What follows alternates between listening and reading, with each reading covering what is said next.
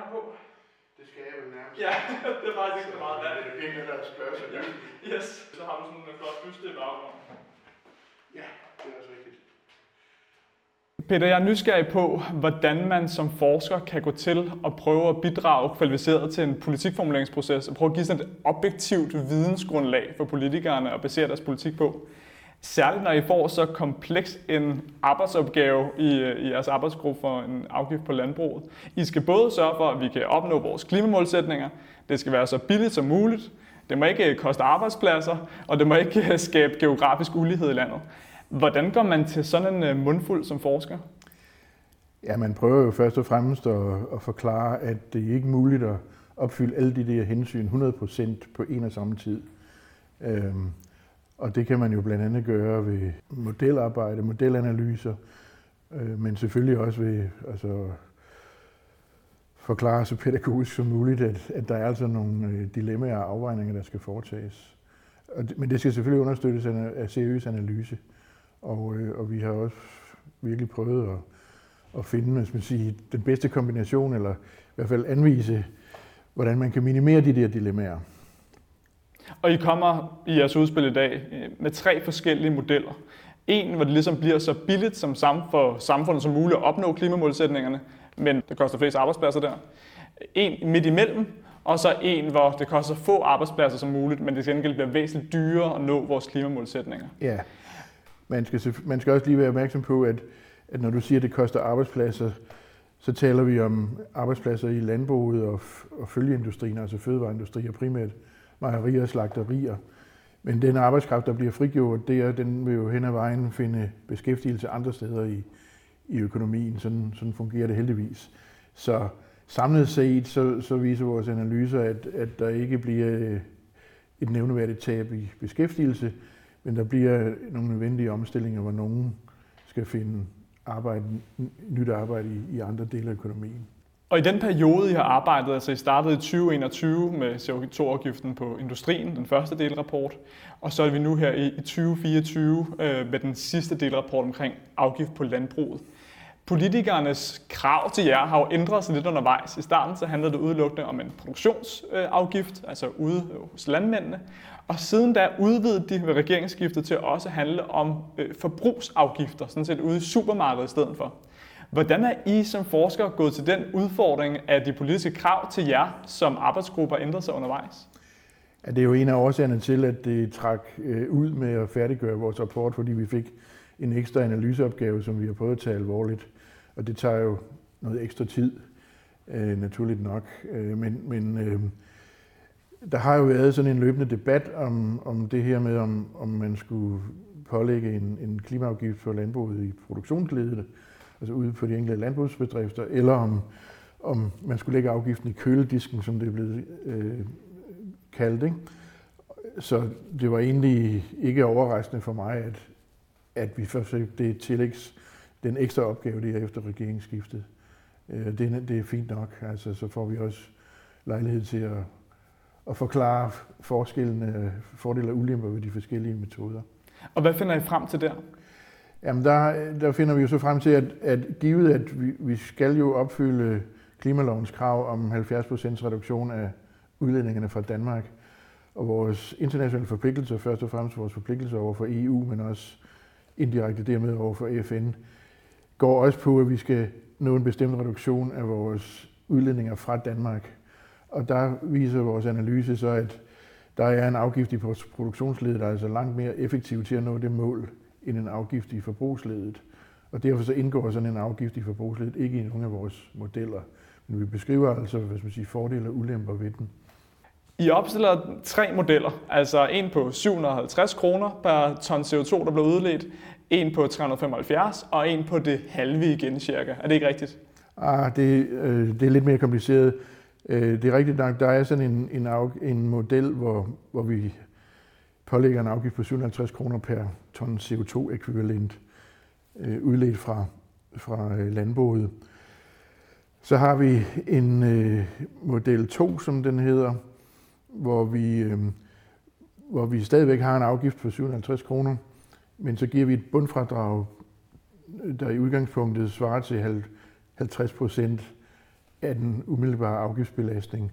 Så det vil sige, i udgangspunktet så, så sænker vi sådan set afgiften til det halve, det vil sige 375 kroner. Øh, men så er der den vigtige pointe i det, at, at øh, den her sænkning af afgiftsbyrden kommer altså via det her bundfradrag. Så på marginalen, det vil sige, hvis man udleder et ekstra ton CO2 øh, E, øh, så kommer, så kommer landbrugerne stadigvæk til at betale 750 kroner per ton. Omvendt, hvis de sænker deres udledninger, øh, så sparer de også en afgift på 750 kroner per ton. Men i kraft af bundfradraget, så bliver den samlede belastning af erhvervet mindre. Men vi bevarer hvis man siger, det fulde incitament på, på marginalen til at, at reducere udledningerne. Øhm, så, så det var den her model 2. Man kan sige, at model 1 på de 57 kroner, som du nævnte først, der sidestiller vi sådan set bare landbruget med alle andre virksomheder inden for det, man kalder ikke-kvotesektoren, altså de virksomheder, der ikke er omfattet af EU's CO2-kvotesystem. De betaler i kraft af den første grønne skattereform, man, øh, man vedtog på basis af vores første rapport, der betaler de en afgift på 750 kroner per ton, når vi når frem i 2030. Det kommer landbruget så også til at gøre i, den, i vores model 1. Øhm, det, den, har så, den, den betyder så også et ret kraftigt produktionsfald i landbruget, især i, inden for kvægbrug. Og det er så derfor, vi har den her model 2, og vi mindsker belastningen en hel del, men altså bevarer incitamentet på markedet til at sænke udledningerne. Og så har vi så den her model 3, øh, hvor, hvor, vi, hvor vi har en afgiftssats på 250 kroner per ton, men giver et bundfradrag igen på 50 procent, sådan at, at øh, man kommer effektivt ned på 125 kroner per ton. Men på marginalen, der skal man altså betale 250 kroner, og spare også 250 kroner, hvis man kan sænke sine udledninger. Og i og med, at vi, vi altså i kraft af bundfradraget når, når ned på den her gennemsnitlige belastning på 125 kroner per ton, så kan man sige, så sidestiller vi i den model landbruget med det, man kalder mineralogiske processer i industrien. Det er først og fremmest cementindustri, men også sådan noget som teglværker, men meget CO2-intensive dele af industrien, som i det første forlig, politikerne øh, indgik, også betaler 125 kroner per ton. Så vi har altså søgt ligesom at være konsekvente, kan man sige, at sidestille landbruget med andre dele af erhvervslivet, så de ikke får sådan en vilkårlig forskelsbehandling, men så er det op til politikerne at vurdere, altså hvilke andre dele af erhvervslivet er det så mest rimeligt og relevant at sammenligne landbruget med. Og jeg er jo ikke økonomer for ingenting. I har jo regnet helt præcist, hvad skal de forskellige afgiftssatser være, og hvor mange millioner ton CO2 kan vi så spare. Ja. Ja. Men hvad har det så gjort for jeres proces, at jeres vidensgrundlag sådan set har ændret sig undervejs, både i forhold til lavbundsjordene, ja. hvor mange af dem udleder, hvor meget CO2, og nu også måske i forhold til skovene, hvor meget kulstofoptag har de. Hvad gør det ved de forskellige modeller, I er kommet frem til? Ja, det har jo så også været en af årsagerne til, at det er trukket lidt ud med at færdiggøre vores rapport. Man kan sige, det, det har først og fremmest haft den betydning, at at vi har skulle øh, ligesom revurdere, hvor, hvor mange supplerende tiltag er nødvendige ud over den her afgift, vi har snakket om, for at, øh, for at landbruget kan bidrage så meget, som at, at vi opfylder klimalovens mål i 2030 og vores forpligtelser over for EU.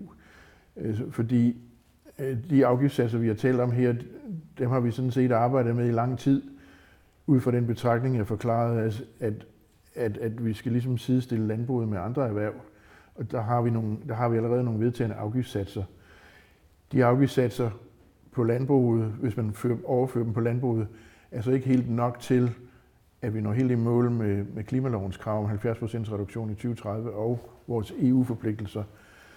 Så derfor så, så opererer vi også i model 2 og 3 med øh, for eksempel tilskud til øh, lagring af biokul i, i landbrugsjorden, biokul fremkaldt ved pyrolyse. Øh, og, og, og den får så en ekstra tand i model 3, fordi der er afgiften lavere, så er der behov for større andre virkemidler. Ikke? Og det er for eksempel sådan noget som biokul.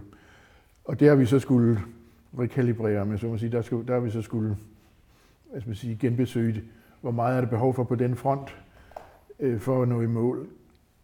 efter at vi fik de der nye tal for, for udledninger fra lavbundsjord, og øh, ja, der sker også løbende ændringer i, i vurderingen af, hvor meget netto bliver optaget i skov af kulstof og sådan noget. Ikke? Og her helt afslutningsvis, med jeres første delrapport med afgiften på industrien, der havde jo en enorm indflydelse på, hvordan det rent faktisk kom til at se ud, afgiften blev vedtaget politisk i Folketinget. Her nu med landbruget, hvad er de største håb for, at jeres pointer, der rent faktisk kommer med ind i den nye afgift på landbruget? Hvad er det vigtigste, du tænker, du håber, det er det her, politikerne rent faktisk tager med?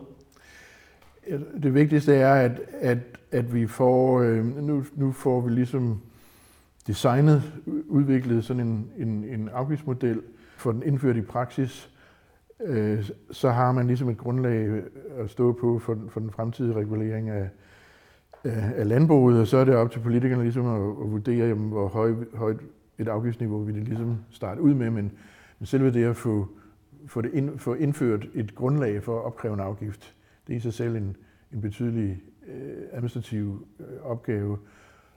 Og, og hvis det grundlag bliver lagt med, og vi har bidraget til, at det bliver lagt, så, så får det en gunstig langsigtet virkning, uanset altså, hvor ambitiøst det så måtte blive på, på kort sigt. Øh, og så er der det der med også, altså et, det afgørende for os har ligesom været at, at, at fastholde nogle konsistente principper for, for CO2, hele CO2-afgiftssystemet.